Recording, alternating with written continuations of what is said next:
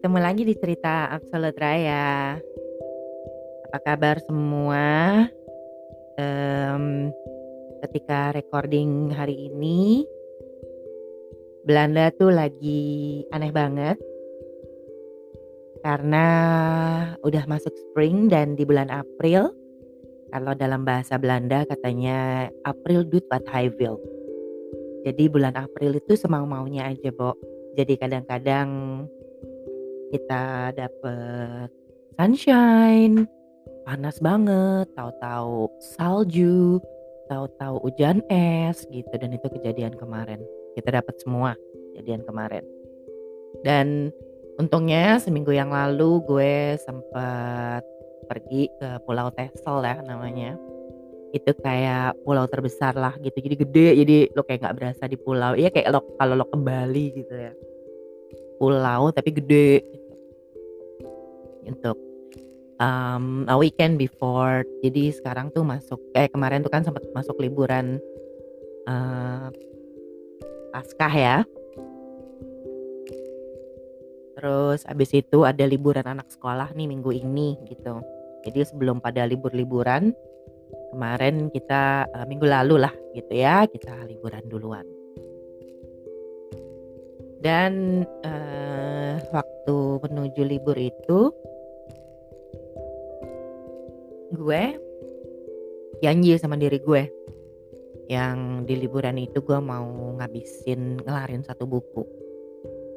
Dan ternyata eh, setelah setahun pandemi ya yang gue kan parah banget ya kalau urusan screen time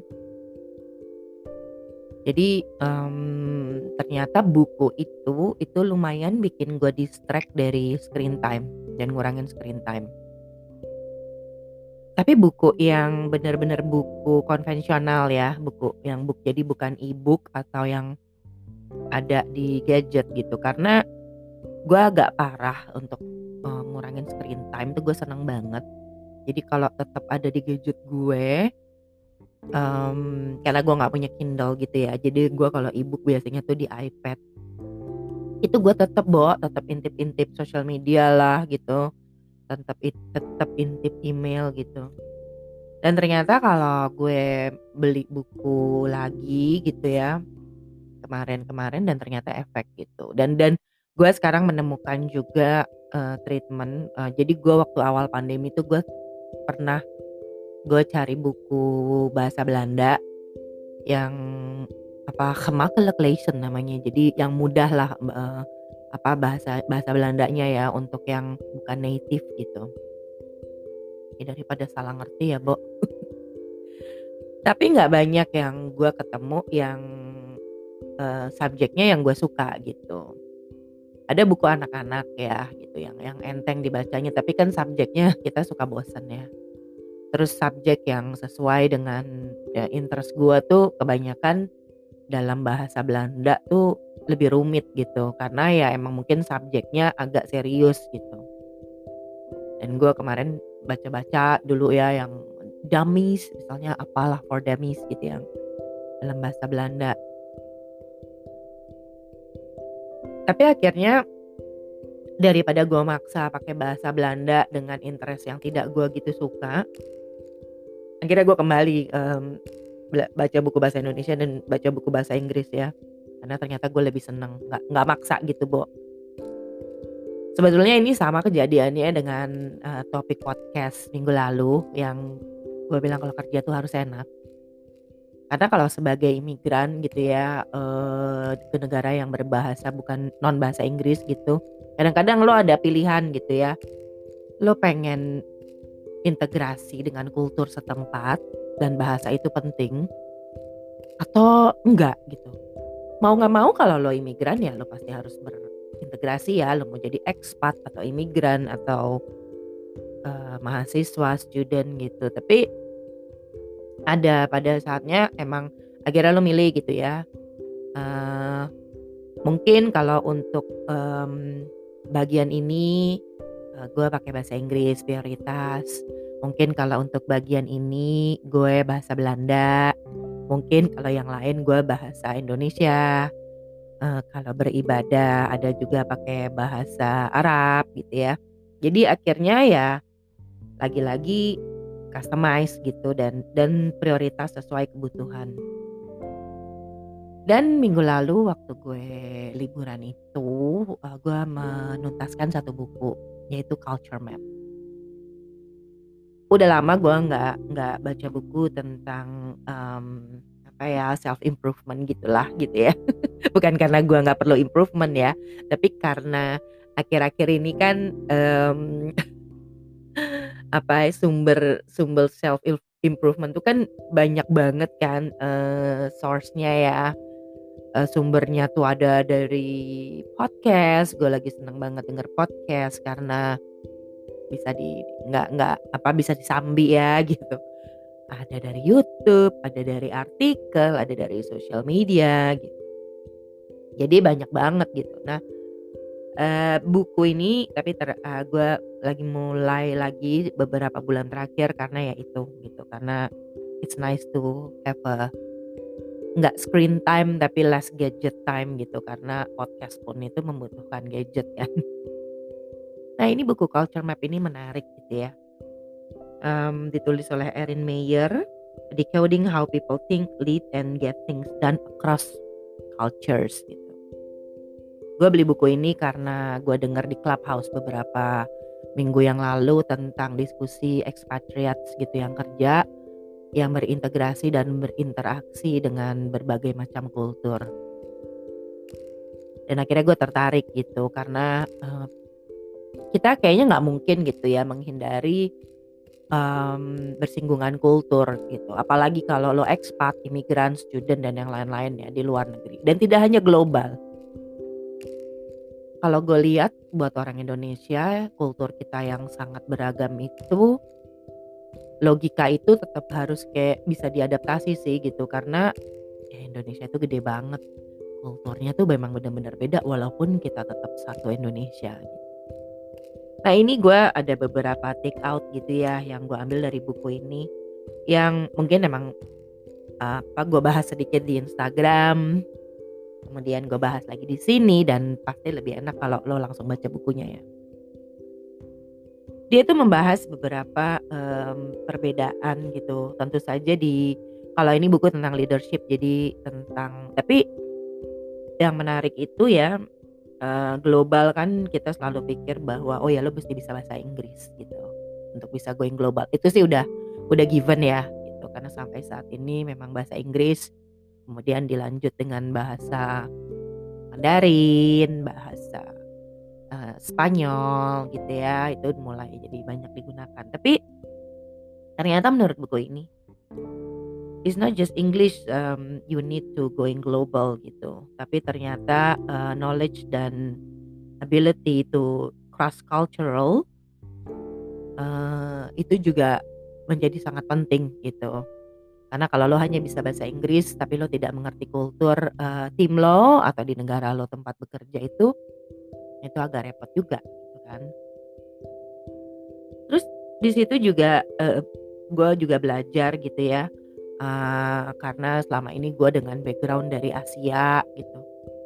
Asia sendiri sebetulnya kan kita tahu ya beda-beda lah ya Jepang, Korea, Cina gitu dan dengan Asia Tenggara itu Asia Utara ya dengan Asia Tenggara gitu Indonesia Malaysia gitu itu beda gitu kulturnya dan ternyata Eropa juga gitu gitu waktu dulu kan pikir ya orang Eropa ke Eropa Eropa Eropa itu juga ternyata juga terbagi-bagi yang gue rasain sekarang gitu ada Nordic Europe yang di utara yang di atas termasuk batasnya adalah Belanda dan juga Latin Europe gitu yang Italia Spanyol, Portugal, gitu. Mereka kan ya kelihatan ya lebih Latin gitu kan ya.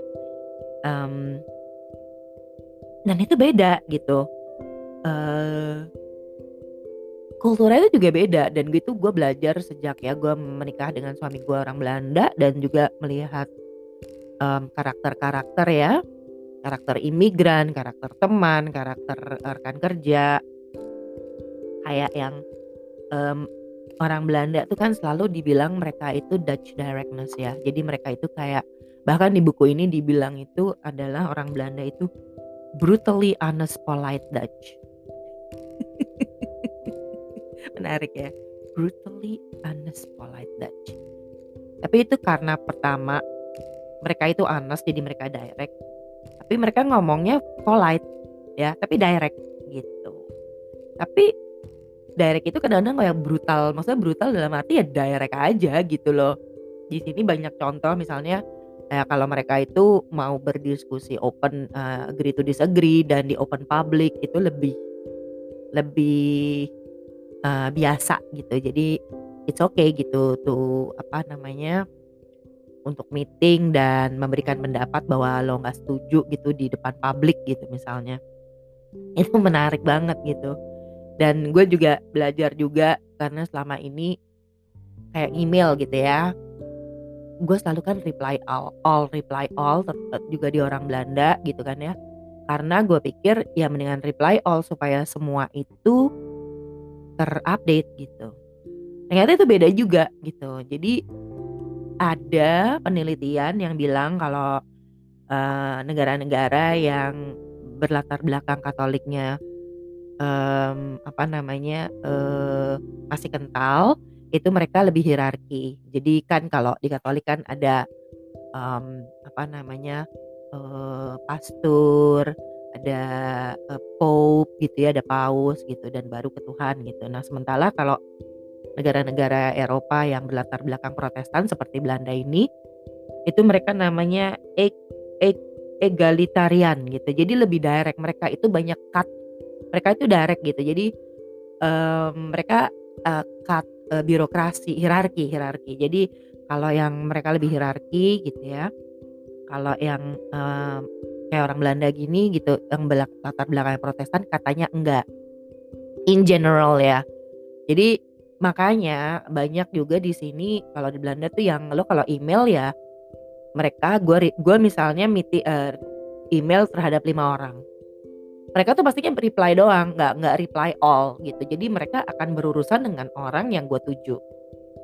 Nah ini ternyata kenapa latar belakangnya Protestan? Karena kalau di Protestan mereka itu nggak ada hierarki seperti itu. Menurut mereka katanya kalau gue ngomong ya gue ngomong langsung aja ke Tuhan gitu. Menarik ya logikanya ya. Jadi karena ada latar belakang seperti itu, itu juga ternyata, um, menjustifikasi gitu, oh mereka ya direct aja ngomong aja langsung sama yang yang yang kita perlu apa, ngomong gitu ya, yang kita perlu urusan gitu, nggak ada urusan sama orang lain. It is really interesting gitu.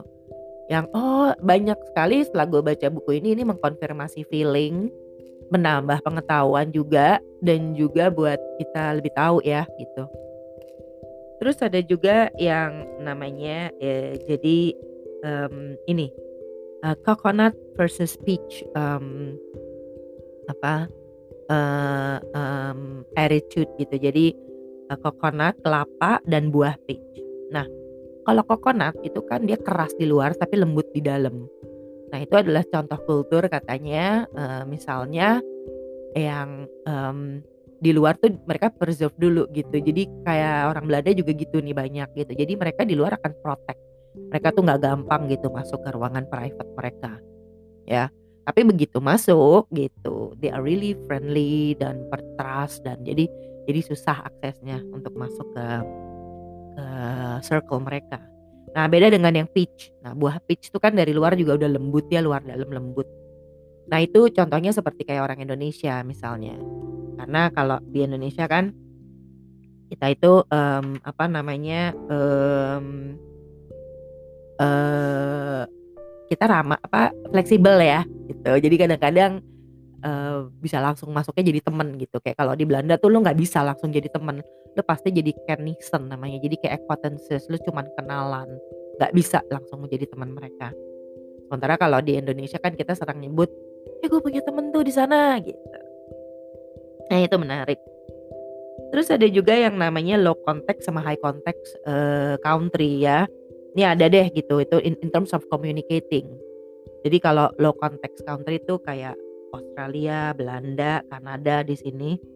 Ini di sini ditulis bahwa uh, Belanda, Australia, sama Kanada tuh termasuk yang lumayan direct gitu kalau uh, dalam hal berkomunikasi Sementara Indonesia, Korea, Jepang, Cina itu yang kalau berkomunikasi lumayan muter-muter. Jadi high context. Jadi dia tuh banyak bumbunya, Bo, gitu. Untuk mencapai suatu hasil gitu ya atau diskusi. Nah, itu kadang-kadang juga um, kalau kita dalam berkomunikasi atau kerja atau berhubungan tuh kan suka yang eh ya ini ini maksudnya apa sih? gitu kan. Just got get to the point gitu kan. Sementara mungkin kalau yang lain kan aduh ini orang to the point banget ya gitu nggak pakai basa-basi gitu misalnya. Ya yeah, interesting ada juga yang ya gue gue di sini ya yang um, ini menarik gitu kan ya. Um, is about trust gitu ya. Um, ini ada namanya cognitive trust atau affective trust. Jadi uh, ini juga ini banget sama gue kemarin uh, buka pikiran gue banget gitu. Lo deket sama orang atau lo lo comfort atau percaya sama orang tuh ternyata ternyata itu ada jalan masuknya gitu. Cognitive trust itu dari brain gitu.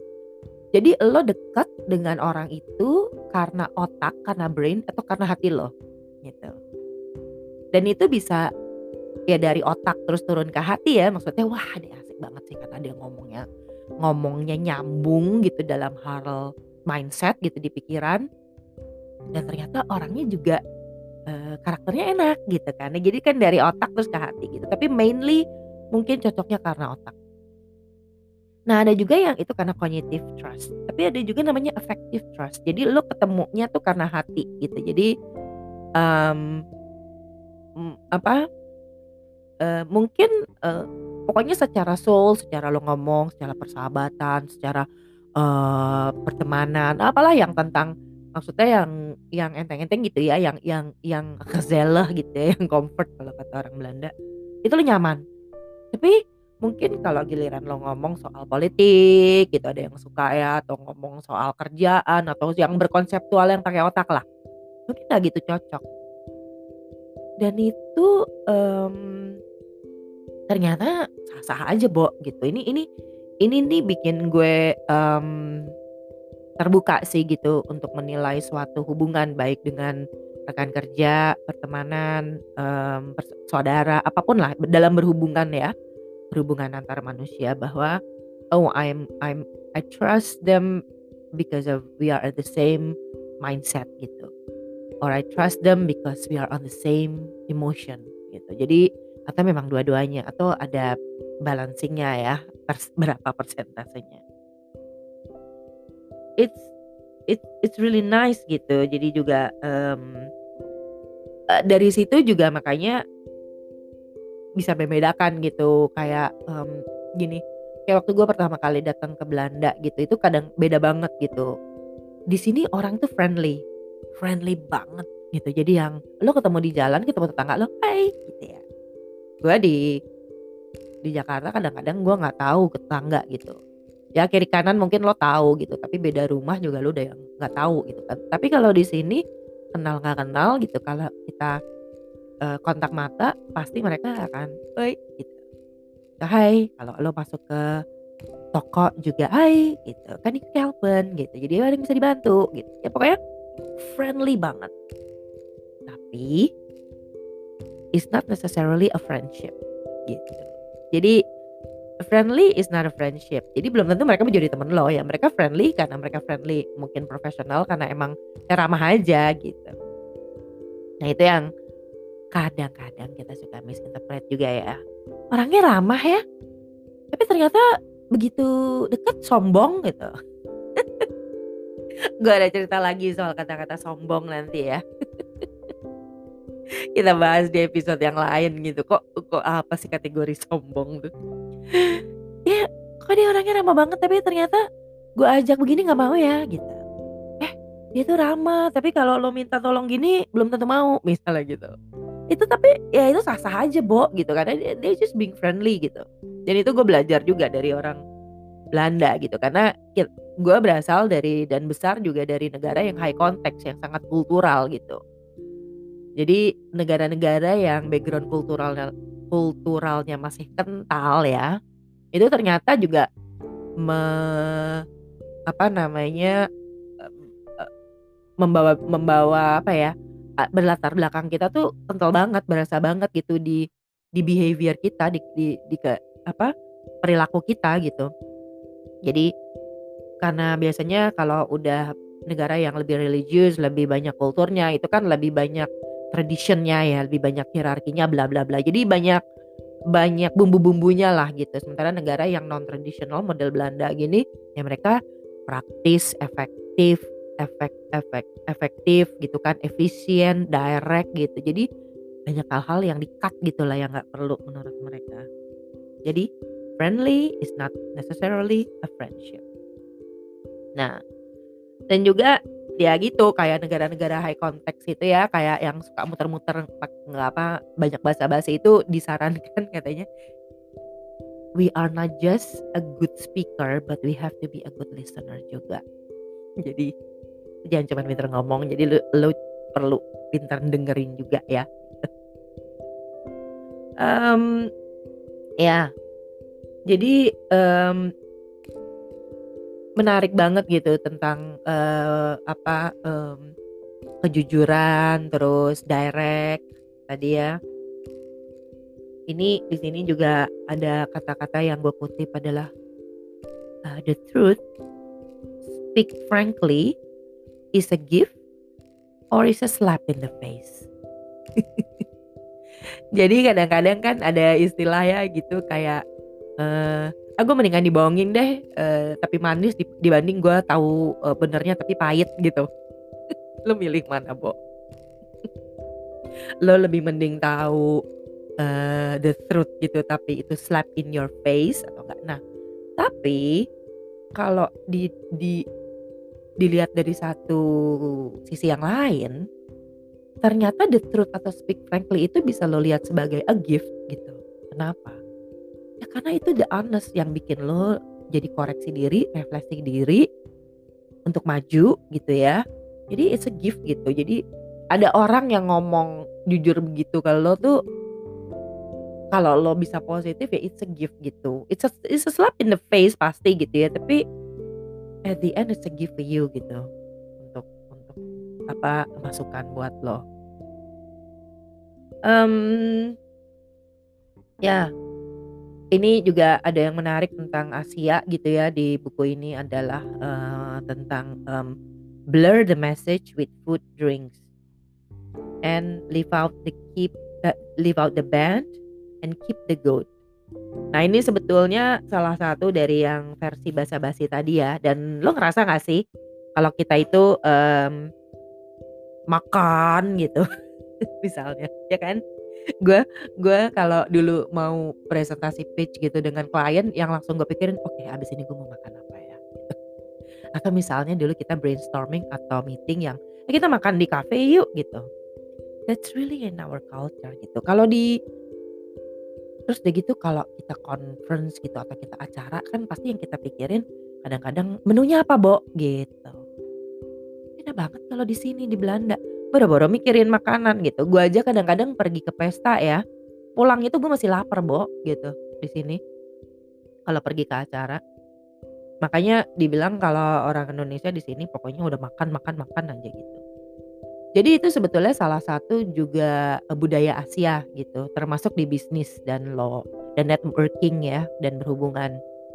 Bahwa we talk it over a cup of coffee atau sambil lunch um, itu ternyata lebih dan berbicara yang positif dulu gitu ya, ternyata itu lebih efektif dibanding dengan simple, direct, ya, uh, message doang gitu, yang banyak dilakukan di negara-negara Nordik gitu. Dan ternyata Asia itu banyak miripnya juga dengan Latin Europe gitu, yaitu Eropa Selatan ya yang di bawah. Karena mereka juga high context, um, country gitu, banyak kulturnya kan gitu ya dibanding dengan negara-negara Nordik, negara-negara Scandinavian kayak Belanda, Sweden, Norway gitu kan yang ke atas tuh kan they have less influence of culture terutama mungkin kalau di Eropa um, uh, gereja ya gitu. Jadi hierarkinya tuh sedikit, kulturnya sedikit gitu. Ya mungkin tradisi-tradisi lokal ada ya. Jadi um, agak agak serius ya topik um, podcastnya. Tapi enggak sih gitu ya, karena, eee, itu kayak membawa konfirmasi gitu. Gue kan senang bahas tentang hubungan manusia, tentang, mmm, apa ya gitu ya, mmm, kejadian-kejadian. Nah ini tuh ya terutama karena setelah setahun pandemi banyak banget berhubungan online dengan, mmm, everywhere around the world gitu ya, eee, global gitu. Jadi i it's a nice input gitu buat buat kita, eee, maju lagi kayaknya setahun pandemi gua rasa kita akan lebih liquid gitu, lebih banyak ketemu orang, opportunity-nya lebih banyak, Zoom is really, mmm, normal now gitu. Jadi kayaknya untuk mengetahui karakter orang, karakter kultur itu lumayan jadi toping, eee, selain kemampuan bahasa yang harus terus diasah gitu. So, that's my, mmm, sharing gitu tentang buku Culture Map ini. Mmm, semoga, mmm, apa, eee, bergunalah ya gitu. Tapi, eee, ya doain gue, eee, istiqomah ya baca-baca buku lainnya lagi karena, mmm, lagi seneng, mmm, mengurangi screen time dengan buku gitu. Jadi, mmm, semoga entar bisa ketemu di episode buku-buku yang lain.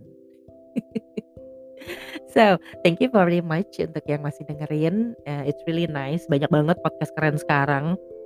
Mmm, semoga podcast gue masih bisa memberikan sesuatu, eee, berguna. Kalau ada ide, kritik, saran, or maybe when you are listening to me, boleh dong di-tag Absolut Raya. So I know that you are listening dan jadi gue masih semangat gitu kalau ada yang dengerin bikinnya. Have a nice day, stay safe, vaksin udah jalan, we are almost there. Rutje South Groningen. Doei.